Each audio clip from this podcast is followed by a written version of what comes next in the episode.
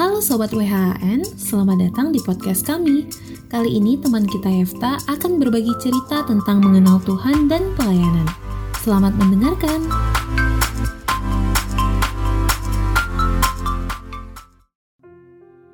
Salam Sobat WHN yang diberkati dan selalu sukses di mana pun Anda berada. Perkenalkan saya Yefta, saya dari Solo. Saat hari ini saya mau bercerita tentang perjalanan dan kehidupan saya ketika saya mengenal Tuhan hingga sampai saya mengerti dari sebuah arti dalam pelayanan dalam kehidupan saya. Latar belakang saya adalah seorang anak gembala, seorang anak pendeta, mana tentunya kedua orang tua saya orang yang cukup aktif di sebuah gereja saya mengenal sebuah tugas ya. Saya belum berkata bahwa pelayanan, tapi tugas pelayanan itu ketika kelas 3 atau kelas 4 SD waktu itu. Orang tua saya selalu mendorong, ayo kamu harus mulai belajar pelayanan. Ya seperti anak kecil ya pada umumnya waktu itu, mereka hanya mengerti pelayanan itu sebuah tugas dan saya mengenal Kristus pun, saya mengenal Yesus pun, saya sebatas tahu ya Yesus itu orang yang baik. Dia selalu memeliharaku dan dia selalu menolongku. Dari kelas 1 SD terutama dari papa saya mendorong bahwa ayo kamu harus belajar musik. Kamu harus belajar musik dan belajar musik. Papa seorang gembala di gereja yang bukan besar, gereja yang cukup sederhana. Jadi tidak ada kesempatan bagi saya untuk saya harus kursus, saya harus mengenyam pendidikan musik. Nah, bersyukurlah kalian bahwa saat-saat ini mungkin di antara kalian ketika kalian ingin belajar musik, ada YouTube, ada tempat kursus, dan ada tempat-tempat yang lain untuk di mana kalian bisa belajar. Pada waktu di mana saya belajar musik, gak ada. Saya hanya mengandalkan kaset waktu itu, belum CD ya, mengandalkan kaset. Saya mendengarkan musiknya, saya ikuti pelan-pelan. Bayangkan bahwa anak kelas 3 waktu itu saya sudah mulai dididik untuk hal itu. Kelas 3 SD mencari sebuah nada atau mencari sebuah kunci hanya mendengar dari kaset. Kalau orang bilang, wah keren ya, berarti sudah punya insting. No, tidak seperti itu. Satu album kaset bisa jadi orang tua saya membelikan saya bisa sampai dua tiga kali. Kenapa? Karena dari satu lagu aja mungkin saya harus memutarnya berkali-kali. Kadang suaranya sudah mulai tidak enak didengar karena pita ya. Jadi sering-sering kita untuk membersihkan juga untuk membaca pitanya. Dengan didikan yang seperti itulah yang akhirnya membuat saya untuk dengan serba terbatas dengan segala sesuatunya yang otodidak hingga membuat saya untuk semakin terpacu Waktu itu saya kelas 4 SD saya hanya bisa kunci keluarga kunci dari kunci C. C dan kawan-kawannya. Belum ngerti untuk kunci-kunci yang lain. Karena dorongan dari papa saya akhirnya dan tentunya gerejanya juga gereja papa sendiri. Saya waktu kelas 4 SD mau kenaikan di kelas 5 mulai diterjunkan di sebuah ibadah raya bagi saya itu sebuah tugas yang kadang juga menyenangkan karena saya bergabung dengan tim-tim yang lain. Tetapi kadang juga bagi saya sebuah tugas yang aduh, kenapa harus saya? Aduh, kenapa harus besok itu sudah minggu? Kenapa besok itu sudah hari Jumat? Karena saya latihan setiap hari Jumat. Tentunya hari Senin hingga hari Kamis saya harus berlatih ekstra. Pulang dari sekolah harus berlatih dengan ekstra. Itu saya jalani hingga SMP di SMP inilah mulai di mana Tuhan benar-benar menempa orang tua saya. Hanya sekedar mengingatkan ayo latihan ayo latihan. Untuk menempa itu bukan terus harus ditarget karena orang tua saya menyadari bahwa mereka tidak cukup untuk memberikan pendidikan yang baik karena kurangnya keuangan kami waktu itu. Jadi hanya mensuplai dengan kaset atau membelikan radio seperti itu. Di SMP karena secara badan saya sudah mulai bertumbuh, sudah mulai besar, tanggung jawab pun bukan hanya pelayanan di mimbar. Nah, ini yang perlu kita ketahui. Saya mulai diberikan sebuah pelayanan baru, yaitu membersihkan gereja. Menyapu gereja, ngepel, mempersiapkan kabel-kabel yang tidak mau dipakai untuk ibadah. Karena pada waktu itu kita masih menggunakan OHP, overhead projector. Jadi saya harus mempersiapkan lagu-lagunya juga. Kalau orang bilang, "Wah, lo di mana jemaat yang lain? Lo di mana untuk saudara yang lain?" Saya waktu itu nggak pernah bertanya hal itu. Karena bagi saya ketika saya disuruh oleh orang tua saya, ya udah, saya kerjakan. Just do it. Nggak tanya, ngapain sih harus saya gitu? Oh, enggak, enggak ya udah just do it kalau dibilang anak yang penurut enggak juga kadang saya masih bilang oke okay, nanti sore oke okay, besok dan lain sebagainya nah gitu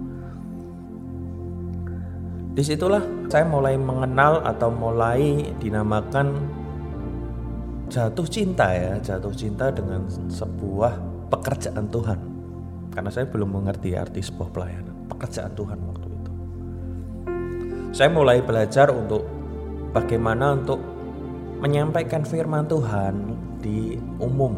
Maksudnya di umum itu ketika bertemu atau di sebuah kelompok, kelompok kecil gitu saya bisa menyampaikan firman Tuhan. Bagaimana dengan permainan musiknya? Ya, permainan musiknya belum mengalami sebuah perkembangan yang signifikan. Karena perlu diketahui bahwa kakak saya yang nomor satu juga orang waktu itu bilang bahwa dia juga cukup pandai dalam bermain keyboard waktu itu. Keyboard dan gitar. Karena dia dalam kuliah waktu itu itu masih stabil untuk waktunya jadi saya pun belajarnya santai hingga ada momen di mana ketika kakak saya sudah mulai bekerja dan jamnya luar biasa ekstranya hingga ada waktu di mana waktu itu dia nggak bisa untuk bermain di ibadah. Itulah di mana saya mulai mengalami ketakutan karena saya bukan memiliki dasar yang kuat seperti kakak saya. Dia ada yang mengajari gitu loh. Maksudnya ada teman dari papa yang bisa mengajari dan waktu saya mau belajar teman dari papa ini waktunya sudah nggak ada jadi saya harus belajar sendiri gitu ada pertanyaan juga loh kenapa kakaknya nggak ngajarin Kakak saya cuma bilang bahwa, loh saya aja juga belajar sendiri. Kamu belajar sendiri lah. Dengerin kaset, cari. Kamu akan memiliki sebuah insting yang lebih kuat daripada saya kalau kamu bisa menerapkan hal itu. Kembali lagi ketika kakak saya sudah mulai bekerja hingga overtime overtime, saya waktu itu ingat sekali ibadah selama kurang lebih 6 atau 7 bulan. Lagunya cuma tiga karena saya bisanya cuma itu. Saya belajar terus tren dari ketika saya menggunakan partitur.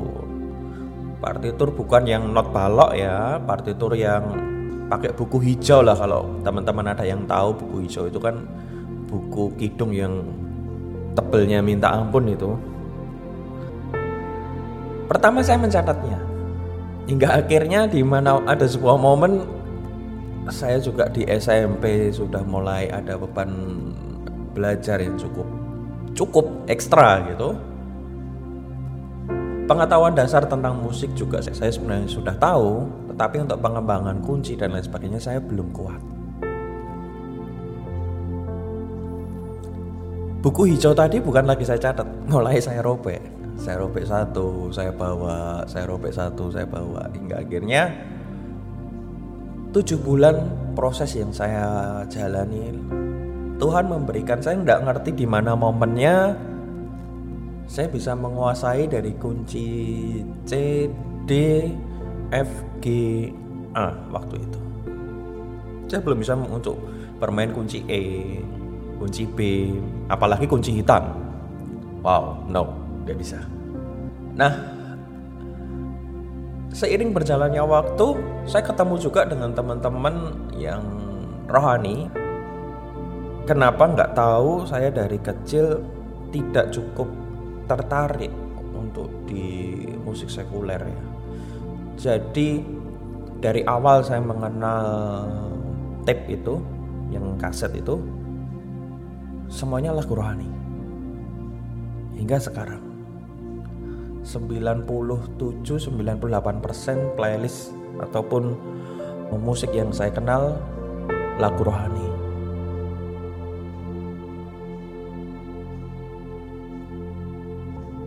Kembali lagi ketika sudah tujuh bulan itu tadi, kurang lebih tujuh bulan ya, saya mulai mengembang untuk lagu-lagu yang lain. Saya mulai sedikit bisa tanpa menggunakan partitur hanya dari mendengar. Oh nanti lagunya ini ya gitu. Oh oke okay, siap siap nyanyi dulu aja nyanyi dulu aja. Coba saya cari kuncinya. Nah dari situ kelas 3 saya sudah lepas partitur.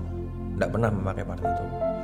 Dan perlu diketahui bahwa mulai dari kelas 1, kelas 2, kelas 3 sebenarnya ketika pelajaran musik pun dalam tanda kutip saya selalu dispesialkan jadi nggak boleh gabung dengan teman-teman yang lain karena gurunya udah tahu wow ini punya dasar musik gitu loh saya juga tidak ngerti alasannya kenapa tetapi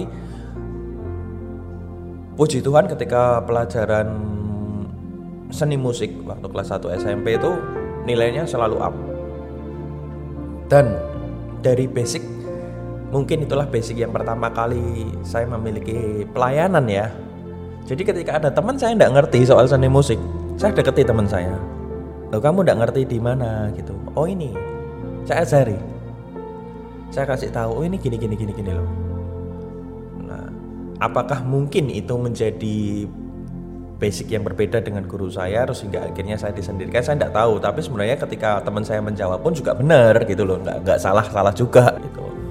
Nah seiring berjalannya waktu mulai SMA lah. Jadi kakak saya ini dari saya SMP ke SMA kalau nggak salah ya dia hampir nggak bisa untuk pelayanan. Jadi mau nggak mau saya dari SMP itu menggantikan kakak saya sebagai ketua musik lah gambarannya seperti itu.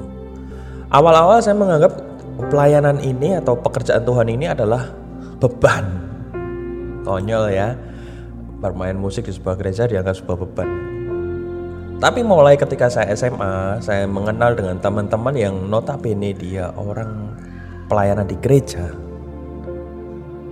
Saya mulai menyadari, mulai mengerti sedikit demi sedikit. Karena juga pemikiran mulai berkembang ya. Jadi saya mulai menyadari sedikit demi sedikit bahwa oh ini pelayanan yang saya kerjakan. Memang secara finansial hampir saya ketika pelayanan tidak ada PK ya nggak ada persembahan apalagi kalau papa itu kan sering mengajak saya untuk pelayanan di gereja-gereja hampir papa juga nggak mau nerima PK di gereja-gereja papa cuma bilang bahwa ini tuh buku titipan dari Tuhan. Jadi saya bisa memberitakan firman Tuhan itu harusnya kewajiban saya. Masalah berkat itu Tuhan yang akan mencukupkan nanti. Itu adalah hal yang saya ingat sekali ketika saya dididik seperti itu hingga sampai saat ini karena papa sudah sudah dipanggil Tuhan di tahun 2019 kemarin itu legacy yang saya terima dari papa kalau kamu pelayanan jangan mengharapkan imbalannya loh Tuhan loh sudah ngasih kamu itu lebih dulu kenapa kamu masih minta-minta lagi nah di SMA itulah saya mengalami percepatan yang luar biasa. Saya ketemu dengan teman-teman mereka yang oke okay dalam bermain musik. Saya ditempa dengan teman-teman, eh kamu mainnya salah gini gini gini. biasanya saya di zona yang nyaman ini saya harus di zona yang sama sekali nggak nyaman. Lagunya kadang nggak kenal. Saya belum waktu itu 2000 berapa ya? 2004 mungkin wah. Saya ngerti lagu rohani tapi saya nggak ngerti untuk lagu Hillsong. Itu nggak ngerti nggak ngerti. Planet Seekers nggak nggak tahu nggak tahu. Saya tahunya cuma Don Moon sama Ron Kinoli kenapa? Karena ketika saya mendengarkan dari lagu Don Moon ini bawaan worshipnya tuh tenang gitu loh. Dan cocok. Jadi nggak tahu kenapa seperti itu. Tapi saya di train sama teman-teman ayo belajar true worshiper waktu itu ya true worshiper giving my best. Dan mulai teman-teman saya dalam tanda kutip nih meracuni ayo belajar Hillsong. Saya cukup berterima kasih dengan teman-teman saya mereka yang menemani saya bermain musik mereka yang dengan sabar ada momen di mana ketika kami menjalankan persekutuan siswa Kristen ya karena SMA setiap hari Jumat karena tempat di mana kami beribadah belum ada keyboard yang cukup proper hingga akhirnya saya harus berangkat ekstra pagi. Papa saya dengan semangatnya, ayo keyboardnya mulai dibungkus ya. Nanti kan kamu PSKS kan, persekutuan siswa kan, tak anter. Papa saya mengantar itu di kelas 1 kelas 1 SMA papa saya mengantar saya bawa keyboard karena cukup jauh kurang lebih 3 kilo lah dari rumah saya awal-awal ketika saya pulang tuh papa saya jemput tapi puji Tuhan seiring berjalannya waktu teman-teman mulai eh kamu tak antar pulang aja enggak apa-apa. Ini teman-teman yang pelayanan tadi. Saya menjalani itu hingga kelas 3 bahkan di kelas 2 kelas 3 itu ada momen papa saya udah nggak ngantar lagi. Bukan saya nggak boleh bawa sepeda saya boleh bawa sepeda cuman kan cukup ribet juga bawa sepeda bawa keyboard sendiri gitu loh. Teman saya menjemput. Teman saya menjemput karena rumah kita searah teman saya jemput kita drop keyboardnya di gereja dulu baru kita ke sekolah nah ketika di kelas 2 kelas 3 SMA inilah saya mulai mengerti bahwa pelayanan yang sesungguhnya pelayanan itu seperti apa sih gitu loh. Pelayanan itu ketika kamu melayani Tuhan, kamu tidak tanya besok Tuhan saya mau makan apa. Besok itu saya ujian loh Tuhan. Besok itu saya harus A, B, dan C. No, bukan. Pelayanan itu ya hubunganmu sama Tuhan kamu berikan yang terbaik. Dasarnya apa? Dasarnya ialah Tuhan sudah kasih. Tuhan sudah memberikan nyawanya, darahnya bagi kita. Itu dasar saya gitu. Jadi ketika saya pelayanan hingga sampai saat ini papa selalu mengingatkan di saat-saat terakhirnya ketika kamu melayani layanilah segala sesuatunya dengan apa yang Tuhan kasih ke kamu.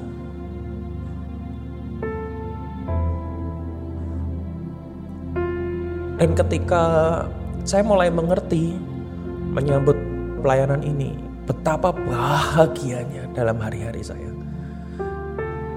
Kegiatan saya bukan seperti anak-anak SMA yang selayaknya bisa dolan lah, bisa bermain lah, sorry, bisa bermain. Enggak. Saya bermain paling cuma bermain basket, teman-teman.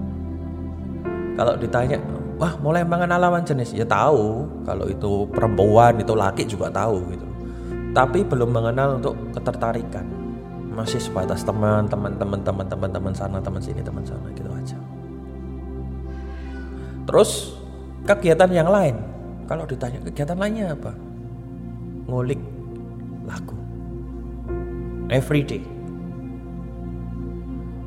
di SMA inilah saya mulai mengenal dengan namanya sequencer kalau teman-teman musisi tahu ya. Waktu itu masih pakai Fruity Loop lah gitu lah. Nah ketika mulai SMA kelas 2 kelas 3 itulah booster saya. Kenapa? Bahwa teman-teman mulai minta eh kita main musiknya pakai sequencer dong.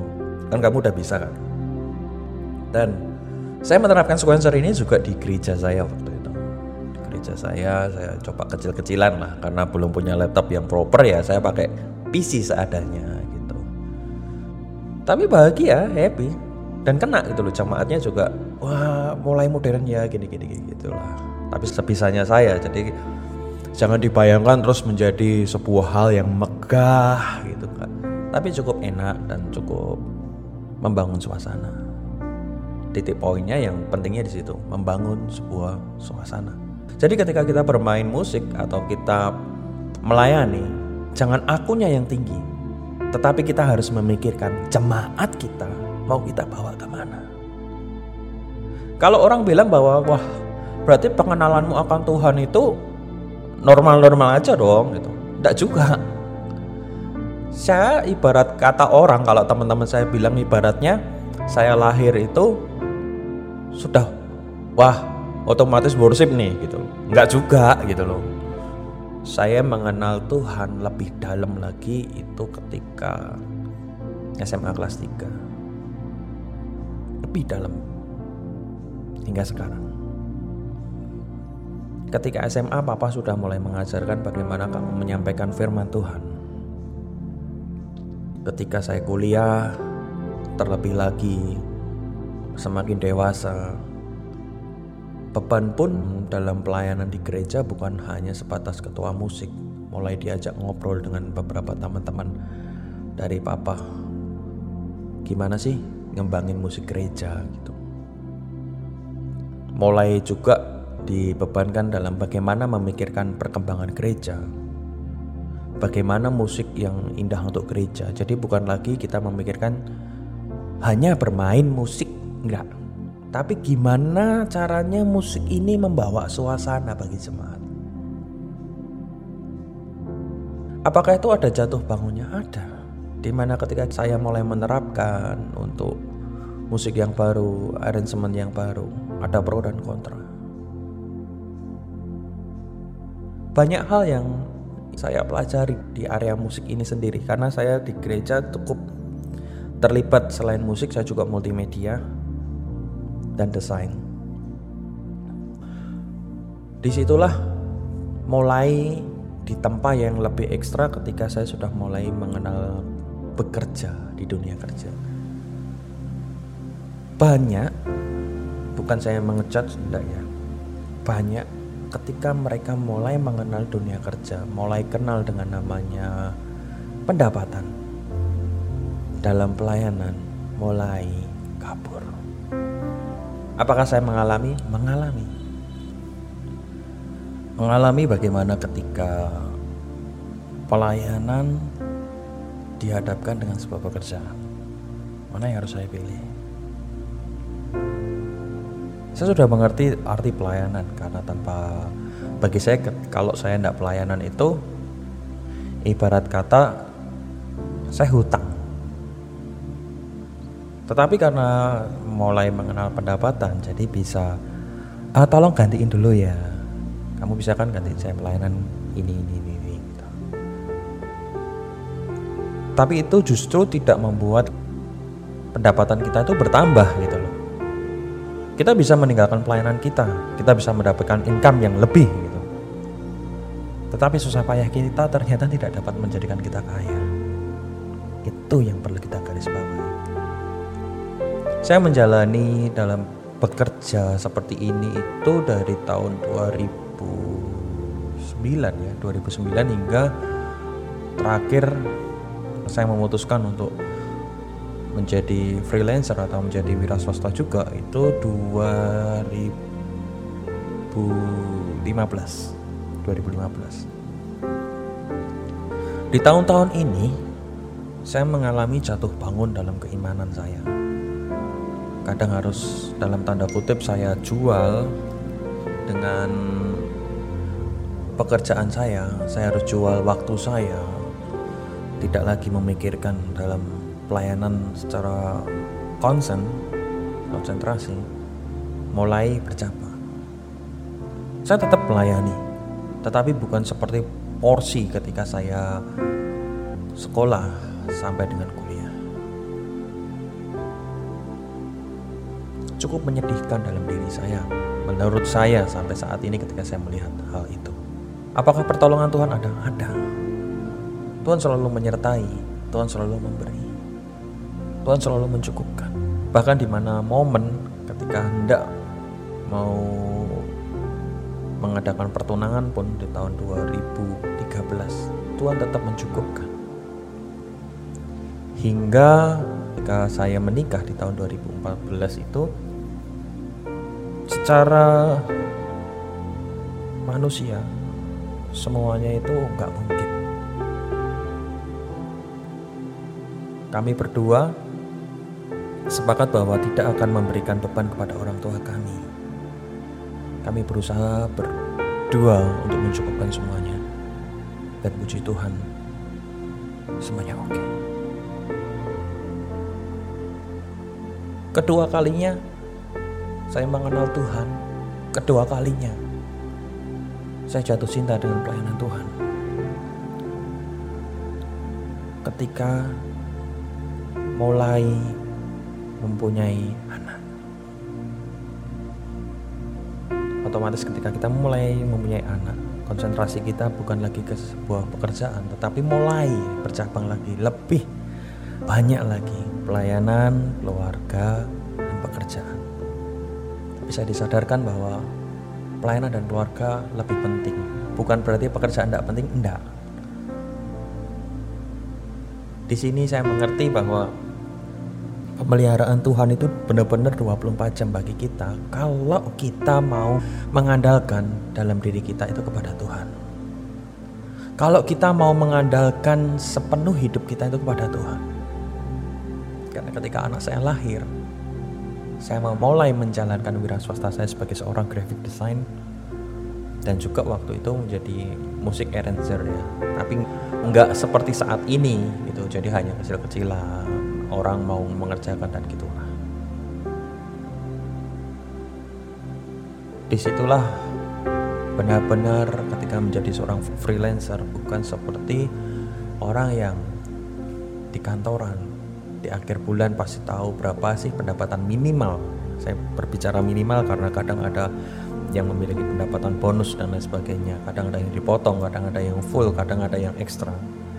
Minimal kita mempunyai pendapatan bulanan Orang freelancer? Enggak. Bisa jadi dalam satu bulan kita hanya memiliki pendapatan dalam satu minggu, dua minggu, atau hari ini, hari esok, puasa, yes. Seberapa kita tangguh, seberapa kita menginginkan pendapatan kita, itu yang ngatur kita sendiri. Kita libur maupun enggak, itu kita sendiri. Kembali lagi tentang pengenalan saya akan Tuhan dan terhadap sebuah pelayanan jatuh bangun pengenalan saya akan Tuhan itu seperti layaknya orang pacaran manusia. Kalau saya ya, seperti layaknya pacaran manusia. Ada momen di mana saya harus marah, ada momen di mana saya berdiam, ada momen di cinta banget gitu loh. Apalagi tadi saya bercerita bahwa saya mengalami jatuh cinta yang kedua kalinya kepada Tuhan. Itu everyday itu bahkan saya penuhkan dalam hidup saya itu selalu di gereja karena memang betul gerejanya gereja papa saya tapi saya tidak ngantor teman-teman saya memikirkan apa yang harus bisa saya kembangkan di gereja ini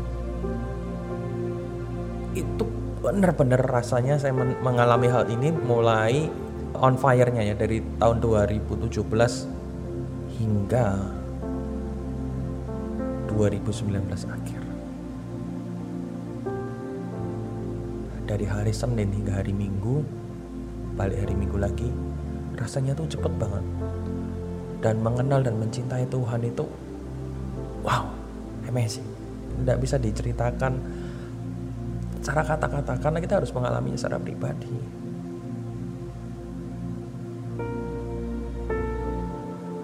saya mengalami di mana ada mujizat saya hampir meninggal karena ada sebuah penyakit penyakit pencernaan ya. Itu hampir tiga hari saya tidak bisa makan dan di opnam. Hingga di hari yang ketiga sakitnya semakin akut. Di dini hari saya harus disuntik beberapa suntikan dan dapat melihat diri saya sendiri semua sudah putih nggak bisa apa-apa tapi Tuhan memberikan mujizat yang luar biasa di situlah saya mulai mengenal pelayanan yang sejati. semakin menemani papa saya, semakin mendekatkan diri kepada jemaat-jemaat, berkunjung, semakin mulai merasakan apa yang jemaat rasakan. Bukan lagi memikirkan egois bahwa saya seorang pemain musik, harus musiknya seperti ini, ini enggak. Tetapi mulai mengerti apa yang dimau Tuhan atas jemaat ini. Tidak lagi pelayanan yang membawa agenda dalam sebuah pelayanan, tetapi mulai berserah. Tuhan, ini ibadah. Tuhan pengennya seperti apa? Tuhan mau bawa jemaat ini ke mana? Memang semua keputusan ada di worship leader, tapi ketika kita sebagai musisi, seorang musik ya,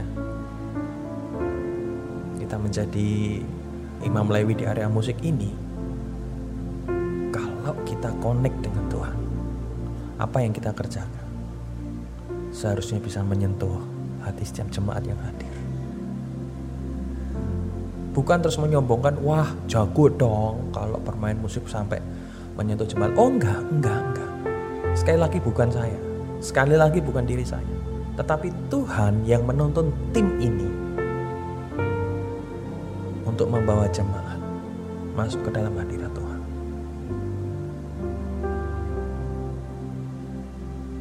Jadi ketika kita melayani Tuhan, yuk jatuh cinta dulu sama Tuhan. Jangan bawa agendamu di area pelayanan. Jangan bawa kepentinganmu di area pelayanan, please. Karena Tuhan tuh yang memiliki kepentingan dalam pelayanannya. Dan ketika kamu melayani Tuhan, itu layanilah Tuhan. Jangan kamu layani pekerjaan Tuhan. Beda. Kalau kamu melayani Tuhan, apa yang Tuhan mau, kamu kerjakan. Kalau kamu melayani pekerjaan Tuhan, berarti kamu melayani hanya pekerjaannya Tuhan. Belum tentu loh Tuhan mau. Karena setiap kita bekerja aja, ketika kita mau apa yang bos mau dengan apa yang pekerjaannya ini kita kerjakan itu udah beda gitu loh. Meskipun itu pekerjaan dari bos. Karena yang kita kerjakan bukan yang bos mau, cuma pekerjaannya bosnya yang kita kerjakan gitu loh. Contohnya seperti itu. Mungkin saat ini kalian mendengar dari cerita saya ini cukup bingung arahnya mau ke mana. Ini gimana sih jatuh cintanya tapi satu hal yang saya tekankan berapapun usia kalian siapa pun kalian mungkin kita memiliki cerita yang berbeda ketika kita mengenal Kristus. Tapi satu hal kalau kalian orang yang terlibat dalam pelayanan please layanilah Tuhan ya jangan layani yang lain. Please ingat Tuhan itu sudah beracara atas hidup kita. Tuhan sudah menebus total semua apa yang kita lakukan. Jadi cukup layani Tuhan. Just do it.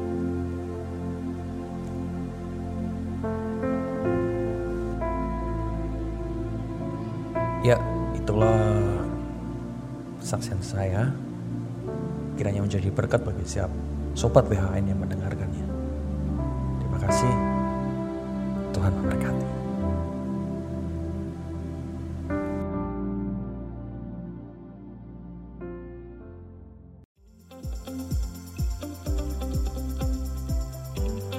Terima kasih sudah mendengarkan episode podcast WHN kali ini. Jika teman-teman ingin berbagi kesaksian kehidupan bersama Kristus, teman-teman bisa reach out kami di Instagram worshiphisholyname.id. Sampai bertemu di episode lainnya ya.